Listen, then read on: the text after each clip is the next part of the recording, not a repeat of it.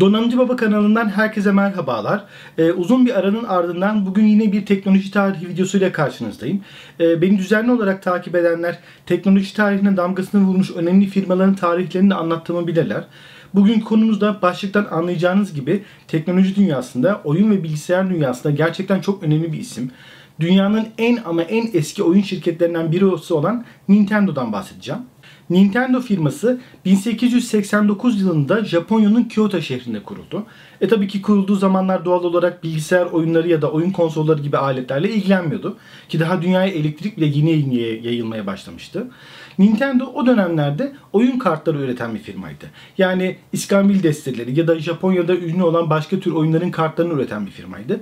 Ve 60'lı yıllara kadar bu şekilde gitti. İskambil kartları ve oyun desteleri üreterek. Hatta bu dönemlerde yetişkinleri özel bazı oyun kartları üretmişlikleri de vardır. Neyse 1960'lı yıllara girdiğimiz zaman Nintendo çalışma sahasını genişletmeye karar verdi.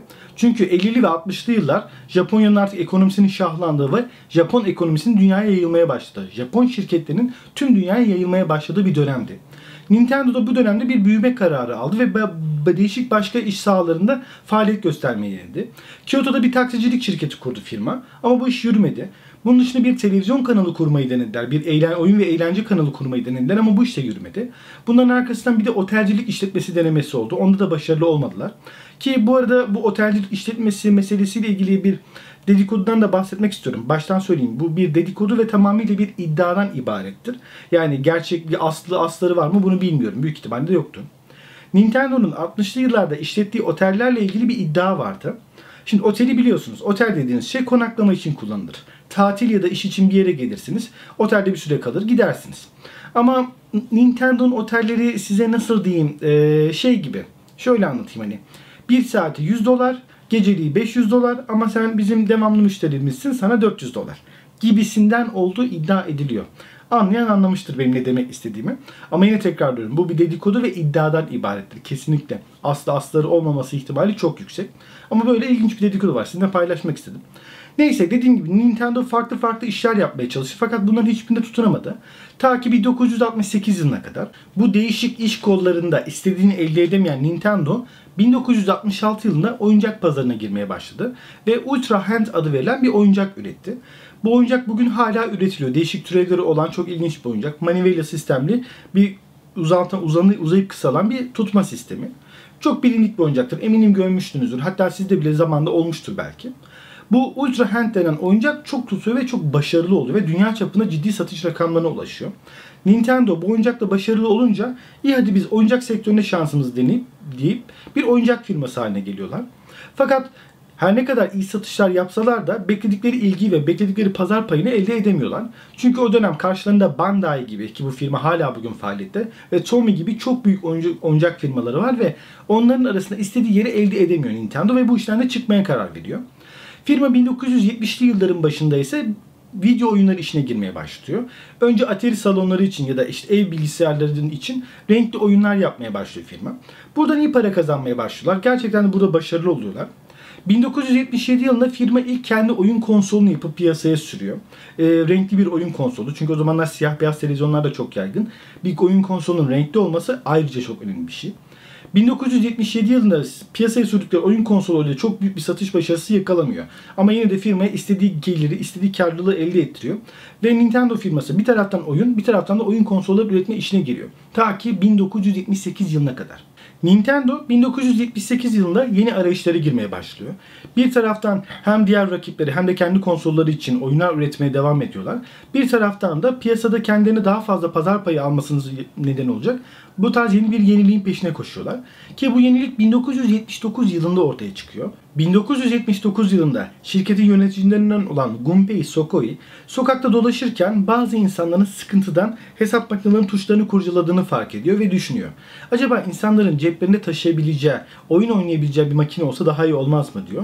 Ve bu tarihte Nintendo dünyanın ilk taşınabilir cep oyun konsolu olan Game Watch'u çıkartıyor. Game Watch inanılmaz büyük bir başarı elde ediyor. Çünkü daha önce insanlar oyun oynayabilmek için ya bir Atari salonuna gitmek zorundaydı ya da bir oyun konsolu alıp evde oturmak zorundaydı. Game Watch bu konuda devrimsel bir aletti. Çok basit bir aletti. İlk çıkan versiyonlarında tek bir oyun vardı. Hatta sonra çıkan versiyonların çoğunda da sadece tek bir oyun vardı. Ama 1970'li ve 80'li yılların teknolojisini düşündüğümüz zaman bu devrimsel bir yenilikti. Game Watch denen bu cep konsolları uzun yıllar boyunca sattı. Yaklaşık olarak 120 milyon civarında satış yapıldı. Bunun dışında yüzlerce hatta binlerce kopyası da satıldı. Hatta hala satılmaya devam ediyor. Bazı oyuncakçılarda biraz kurcalarsanız bu Game Watch'un klonlarından hala piyasada bulabilirsiniz. Biraz uğraştığınız zaman bulabilirsiniz. Neyse 1970'li yılların sonu 80'li yılların başında Nintendo cep konsolları sayesinde gerçekten çok büyük bir başarı elde etmeye başladı ve yavaş yavaş oyun dünyasında sesini gittikçe yaymaya ve bütün dünyaya yayılmaya başladı. Nintendo'yu bir dünya devi haline getiren olaysa 1983 yılında yaşandı. 1983 yılında firma meşhur Nintendo Entertainment System yani NES oyun konsolunu pazara sürdü. NES oyun konsolu taşları yerinden oynattı. Dünya çapına inanılmaz büyük bir satış başarısı elde etti. Orijinalleri 60 milyonun üzerinde sattı. Klonları ve kopyaları ise bugün hala satılmaya devam ediyor ki. E, çoğunuz eğer 90 çocuklukların 90'larda ya da 2000'lerin başlarında yaşamışsanız o bahsettiğim 8 bitlik oyunlardan oynamışsınızdır kesin. Kasetlerini hala bulabilmek mümkün. Değişik versiyonlarını hala bulabilmek mümkün. 1983 yılındaki bu NES bombası sayesinde Nintendo bir anda ev eğlence sistemlerinin tartışmasız lideri haline geldi ve bütün dünyaya yayıldı. NES'in birçok farklı sürümü çıktı. 8 bitliklerden 16'lıklara, 16'lıklardan 32'lere, 32'lerden ise 90'ların sonlarına doğru 64'lüklere geçtiler. Birazdan oranın detayına da gireceğim. Firma NES sayesinde Amerika ve Avrupa'daki hemen hemen bütün evlere girmişti ve inanılmaz büyük paralar kazanıyordu. Fakat Nintendo'nun buradan durma niyeti yoktu. Nintendo asıl bombasını 1989 yılında patlatacaktı. Evet bazılarınızın az çok hatırladığı bir cihazdan bahsedeceğim size. Nintendo 1989 yılında efsanevi oyun konsolu, el oyun cihazı olan Game Boy'u pazara sürdü. Game Boy gerçekten ortalığı birbirine kattı. İnanılmaz büyük bir başarı gösterdi. Gerçekten ben çok iyi hatırlıyorum 90'lı yıllarda Game Boy sahibi olmak bir statü belirtisi gibi bir şeydi. Ben çok isterdim bir Game Boy'um olmasını ama o zamanlar bizim paramız böyle şeyleri almaya yetmiyordu. Mahallede bir iki kişinin vardı. Biz de onları kıskançlıkla izlerdik. Game Boy Nintendo'yu tam bir dünya devi haline getirmişti. 1989'dan 2004 yılına kadar milyonlarca Game Boy üretildi ve satıldı. Ve bunlarla birlikte Nintendo'nun efsanevi oyunları da daha fazla ön plana çıkmaya başladı. Super Mario gibi, Zelda gibi oyunlar artık Nintendo'nun demir atları haline gelmişti. Ve insanlar sırf bu oyunları oynayabilmek için bir Nintendo konsolu alıyorlardı. Nintendo gerçekten 80'li yıllarda dünya pazarını resmen domine etmişti. Diğer rakipleri Atari ve Sega gibi firmaları yerden yere vuruyordu. Herkes NES almak istiyordu ya da herkes bir Game Boy sahip olmak istiyordu. Ta ki 1990'lı yılların ortasına kadar. Bu kısımda yine doğruluğu kanıtlanmamış bir rivayetten bahsetmek istiyorum. Rivayet olur ki 90'lı yılların ortasında Nintendo firması yeni bir oyun konsolu geliştirmek için Sony ile iletişime geçer. Sony ve Nintendo arasında görüşmeler yapılır. Bu görüşmeler sonuca erdirilir ve Sony Nintendo adına bir oyun konsolu geliştirir. Fakat en son aşamada bilinmeyen bir sebepten ötürü Nintendo Sony ile çalışmaktan vazgeçer ve projeyi iptal eder. Nintendo için geliştirdiği konsolla ortada kalan Sony yöneticileri toplanırlar. Ya biz bu alete dünyanın parasını harcadık. O kadar emek harcadık. Biz bunu bir kenara atmayalım. Bari bunu biz değerlendirelim demişler. Ve o konsolu PlayStation ismiyle piyasaya sürmüşler. Yani dedikodulara göre aslında PlayStation ilk başta Nintendo'nun oyun konsolu olarak çıkacaktı. Ama Nintendo işe taş koyup ayrılınca da Sony yoluna tek başına gitmeye karar verdi. Ki burada Sony çok doğru bir karar verdi. Ve ilerleyen zamanda gördük ki Nintendo da pek doğru bir karar vermedi. Nintendo Sony ile çalışmak yerine 1997 yılında NES ailesinin en son versiyonunu olan NES 64'ü piyasaya sürdü. NES 64 devrimsel bir oyun konsoludur. Rakiplerinden kat kat üstündü. Öncelikli olarak ismindeki 64'ten de anlayabileceğiniz gibi üzerinde 64 bitlik bir işlemcisi vardı. Üstelik sadece işlemcisi de yoktu. İlk defa NES 64 ile birlikte oyun oynatmak için işlemci yerine harici bir grafik birimi kullanılmıştı. ATI tarafından üretilen ki şu anda ATI firması AMD bünyesinde yer alıyor. ATI firması da tarafından üretilen harici bir grafik çipi, bir GPU'su vardı. NES 64 gerçekten de çok başarılı bir oyun konsoluydu ve, ve yine çok büyük satış rakamlarına ulaştı. Ama ilerleyen zamanlarda işten Nintendo'nun aleyhine ilerlemeye başladı. Hem Japonya'da hem de dünyada tartışmasız olarak lider olan Nintendo'nun kendi ana vatanından başka ve çok dişli bir rakibi çıkmıştı. Sony ve PlayStation. Sony firması ilk PlayStation'la birlikte dünya pazarında oldukça büyük bir başarı elde etmişti. Çok vakit kaybetmeden de 2000'lerin başında 2001 yılında da PlayStation 2 çıktı. PlayStation 2 Sony tarihinin en başarılı oyun konsollarından biriydi. Hem çok satmıştı hem de PlayStation'ı bütün dünyanın duymasını sağlamıştı. Aynı dönemlerde Nintendo kendi ayrı oyun konsolunu da çıkartmıştı. Nintendo GameCube adında. GameCube gerçekten çok gelişmiş bir oyun konsoluydu. PlayStation 2 ile kıyaslandığında gerçekten ona karşı ciddi avantajları vardı. GameCube'un en ciddi özelliklerinden biri ise dahili bir modeminin olmasıydı. Yani online oyun oynayabiliyorsunuz. 2000'lerin başından bahsediyoruz. Ama her ne kadar GameCube başarılı bir oyun konsolu olsa da, teknolojik anlamda da gelişmiş olsa da artık dünyada bir PlayStation ve bir Xbox rüzgarı esmeye başlamıştı. Ve Nintendo yavaş yavaş ev konsolları konusunda Japon ve Amerikalı rakiplerinin gerisine düşmeye başladı.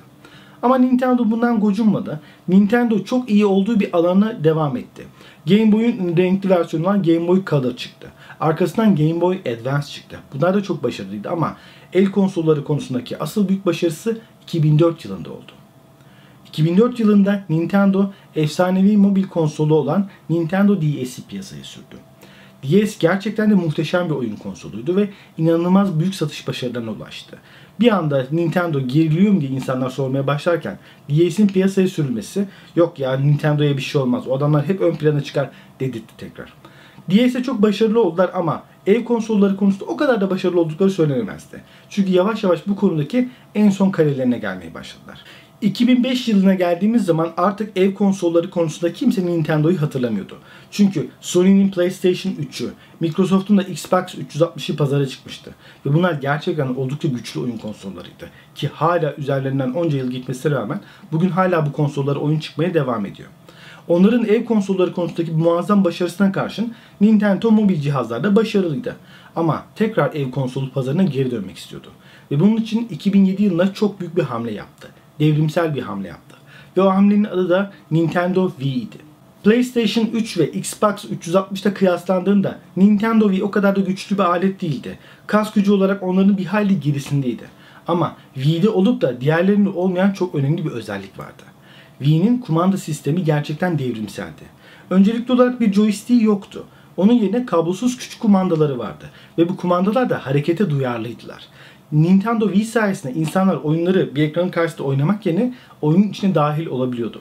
Harekete duyarlı kolları sayesinde insanlar boks yapabiliyorlardı. Ok fırlatabiliyorlardı. Bowling oynayabiliyorlardı. Tenis oynayabiliyorlardı. Ve bunların hepsini kendi vücut hareketleriyle yapabiliyorlardı. Bu açıdan bakıldığında Nintendo Wii gerçekten çok büyük bir başarı elde etti. Ve bu yarıştan ben kopmadım. Oyun konsolu pazarında ben varım dedi Nintendo.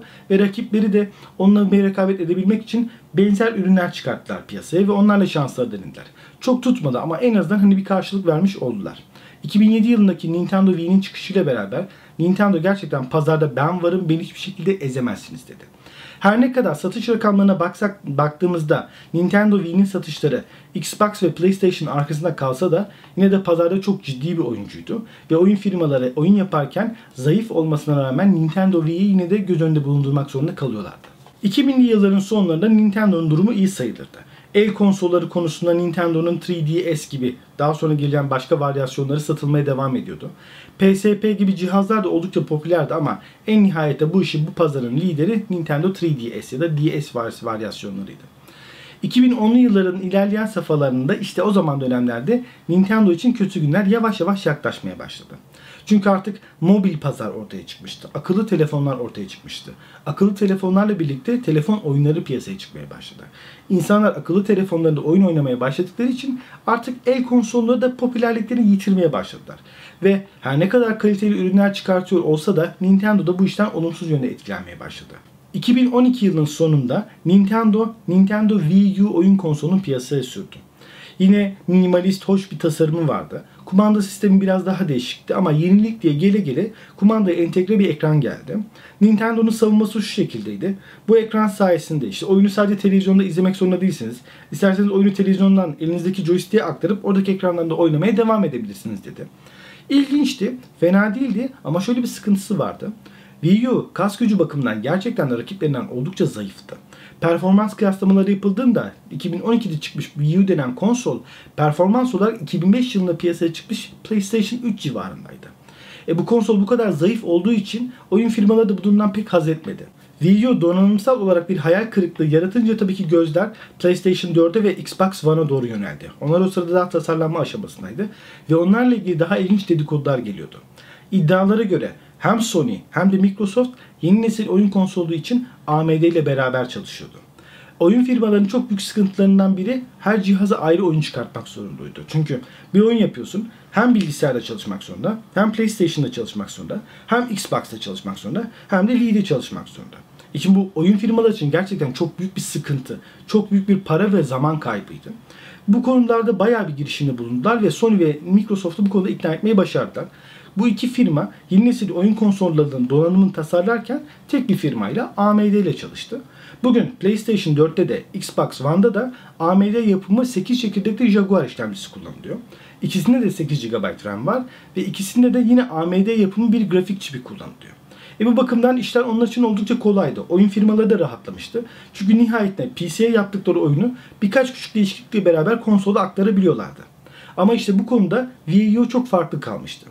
Nintendo Wii U'yu tasarlarken yine gelenekçi davranmıştı ve daha önce olduğu gibi Wii U'da da bir IBM yapımı Cell mimarili bir işlemci kullanmıştı. Ekran kartı tarafında, grafik çip tarafında Nintendo da AMD ile çalışmıştı. Ama rakipleri Graphic Core Next mimarisi kullanırken yani HD 7000 ve sonrası mimarisini kullanırken Nintendo AMD'nin kullanmayı bıraktığı Real 5 mimarisini kullanmayı tercih etti. En son bu versiyon HD 6000 serisinde kullanılmıştı. E şimdi Wii U hem demode bir donanım kullanıyor hem kas gücü çok düşük. E böyle olunca da oyun firmaları ister istemez Wii U'yu dışlamaya başladılar. Bir zamanlar uğruna derneklerin kurulduğu, grupların kurulduğu, devasa Wii partilerin yapıldığı ortamlar bir anda geçmeye başladı. Çünkü PS4 ve Xbox One piyasayı alıp götürdü ve Nintendo ister istemez bu pazarda çok ciddi bir darbe yedi. Satış rakamlarına baktığımız zaman Nintendo'nun pazar payı her gün büyük bir hızla küçülüyordu. Özetle Wii U başarısız olmuştu. Her ne kadar Nintendo yöneticileri çıkıp da yok arkadaşım işte önemli olan bilgisi cihazın kas gücü değildir. Oyunlarının verdiği keyiftir, o eğlencedir dese de günden güne Nintendo rakiplerine karşı pazar kaybetmeye devam etti. Ve artık öyle bir noktaya geldi ki pazar araştırmalarında artık Nintendo'nun payından bahsedilmemeye başlandı. O bir zamanın hem el hem de ev konsollarının tartışmasız hakimi bir taraftan cep telefonları ve tabletlerden bir taraftan da Sony ve Microsoft'tan yediği darbelerle ciddi anlamda geriledi. Firma maddi anlamda sıkıntılar yaşamaya başladı. İşten çıkartmalar, görevden almalar, şunlar bunlar derken çok ciddi anlamda bir kaynama oldu firmanın içinde. Akıllı telefon ve tabletlerin el konsollarını öldürdüğü, PlayStation ve Xbox'ın da evleri işgal ettiği bir dönemde Nintendo'nun yeni bir şeyler yapması lazımdı. Nintendo o dakikaya kadar gerçekten çok muhafazakar bir kafa yapısındaydı. Meşhur oyunlarını işte Mario gibi, Zelda gibi oyunlarını hiçbir şekilde başka platformlarda çıkartmıyordu. Bunun dışında Pokemon oyunu da kimseye vermiyordu. Ama firma artık maddi anlamda öyle sıkıntılı bir duruma girdi ki daha sonra bazı hamleler yapmak zorunda kaldı. Ve bildiğiniz gibi geçtiğimiz yıl meşhur Pokemon Go oyunu mobil platformlarda yayınlandı. Aslında Pokemon Go direkt Nintendo'nun yaptığı bir oyun değil. Bu oyunu aslında isim haklarını satın almış başka bir firma tarafından yapıldı. Ama nihayet işin PR kısmından Nintendo ekmek yedi. Tekrar gündeme geldi firma. Bunun dışında Mario'nun bir iki varyasyonu da yine mobil platformlara çıkartıp iyi paralar da kazandılar oradan. Ve hazır tekrar isimleri duyulmaya başlamışken, hazır tekrar ön plana çıkmaya başlamışken Nintendo yeni bir oyun konsolu yapacağını duyurdu. Bu noktada bazı insanlar çok heyecanlandı. İşte dediler ki Nintendo geçmişinden ders almıştır. Artık adam gibi kaslı, güçlü bir cihaz yapar dediler. Ben de açıkçası o dönemde evet olabilir aslında en mantıklısı da bu. Yani rakipleri çok güçlü. Üstelik güçlü oldukları yetmiyormuş gibi. Bir de kendi versiyonunun bir üst versiyonuna da geçecekler. İşte PS4'ten PS Pro'ya, Xbox One'dan Xbox Scorpio'ya geçişler yapılacaktı. E biz de dedik yani böyle bir dönemde kastı bir oyun konsolu çıkartması lazım dedik. Hatta değişik dedikodular gelmeye başladı. İşte Nintendo'nun AMD ile görüşme yaptığı iddia edildi. AMD'nin Nintendo'ya özel bir GPU, bir işlemci grafik birimi hibrit yaptığı o iddialar ortalıkta gezdi. Hatta bir ara şu anda AMD'nin Ryzen işlemcilerinin temel mimarisini oluşturan Zen mimarili özel bir işlemcinin kullanılacağı iddia edildi. E biraz heyecanlandık ama ben açıkçası o zamanlar şöyle dedim. Ya bu Nintendo hiç öyle umutlanmamak lazım. Yine saçmalık yaparlar dedim. Ki gerçekten de hiç yanılmamışım. O yüzden geçtiğimiz sene Nintendo yeni nesil oyun konsolu Nintendo Switch'i duyurdu. Ve hepimizi gerçekten ters köşeye yatırdı. Öncelikle biz e, firmanın AMD ile çalıştığını zannederken tam tersi olarak Nvidia ile çalıştığı ortaya çıktı. E bir tarafta şimdi Nvidia lafı geçince biz de, biz de şöyle bir şey yaptık ya. Nvidia işte ekran kartı pazarının lideri. İşte çok güçlü GPU'ları var. Çok iyi ekran kartları var. Anlaşılan ortalığa bir canavar çıkacak. Derken çıka çıka karşımıza tabletten bozma garip bir yaratık çıktı. Nintendo beklenenden çok daha farklı bir cihaz ortaya çıkarttı. Açıkçası çıkarttıkları cihaz bir PlayStation'da Xbox'tan daha çok Nvidia'nın Shield gibi bir Android temelli oyun konsoluna benziyordu. Üstelik Nintendo Switch Nvidia'nın o güçlü ürünlerinden de kullanmamıştı. Çünkü biz hani Nvidia deyince insanın aklına Pascal geliyor, Maxwell geliyor, işte Titanix'ler geliyor, çok güçlü GPU'lar, kodumu oturtan performanslar beklerken çıka çıka Nvidia'nın bile artık üretmekten vazgeçtiği eski bir platformu olan Tegra'yı tercih ettikleri ortaya çıktı. Ki Tegra'nın son versiyonunu bile kullanmadılar. Tegra'nın bir önceki versiyonunu kullandılar. Ve karşımıza gerçekten ortalama 200-300 dolara alabileceğiniz o Android oyun konsollarından hallice bir ürün çıktı. Her ne kadar bazı ilginç özellikleri olsa da işte ana ekranın yan taraflarından kolları çıkartıp tek kol yapsanız da isterseniz o panelde yok isterseniz televizyonda oynadığınız da öyle yani küçük küçük ufak ilginç eğlenceli noktaları olsa da Switch'in açıkçası bir PlayStation'da ya da bir Xbox'la rekabet etme şansı kesinlikle yoktu. Nvidia'ya rağmen yoktu. Çünkü zaten böyle kaslı bir konsol peşinde değillerdi. Onlar bunun yerine ben kas gücü yarışı yapacağıma kendi ekosistemimi geliştiririm ve kendi ekosistemim sayesinde de kendime ayrı bir yer yaparım dedi. Yani bir zamanlar pazarın tartışmasız lideri olan bu pazarın lideri benim diyen Nintendo onun yerine millet alsın evde büyük ekran televizyonlarında çıkıp da konsollarıyla işte Battlefield oynasın, GTA oynasın. Beni ilgilendirmez. Ben Mario'mla mutluyum. Ben Zelda'mla mutluyum. Biz bu şekilde bir kenarda güzel güzel takılırız demeyi tercih etti. Bu stratejinin ne kadar başarılı olacağını da zaman içinde göreceğiz. Ama gelen haberlere göre Nintendo Switch Wii U'ya göre daha iyi bir satış başarısı elde etse de tabii ki o ilk Nintendo Wii'nin ya da o NES döneminin o başarısını yakalamaktan oldukça uzak. İskambil kağıtları üretmekten başlayıp dünyanın bir numaralı oyun ve eğlence şirketi haline gelen Nintendo'nun gerçekten ilginç bir tarihi var. Ve son günlerde de kendisine yeni bir strateji belirlemeye çalışıyor. Bakalım Nintendo Switch de istediği şeyi yapmayı başarabilecek mi? Neyse bugünlük bu kadar. Beğenirseniz abone olun. Yorumlarınızı benden esirgemeyin. Bana ulaşabileceğiniz adreslerin hepsini açıklamalar bölümüne yazıyorum. Ve de mavi ekransız günler diliyorum. İyi günler.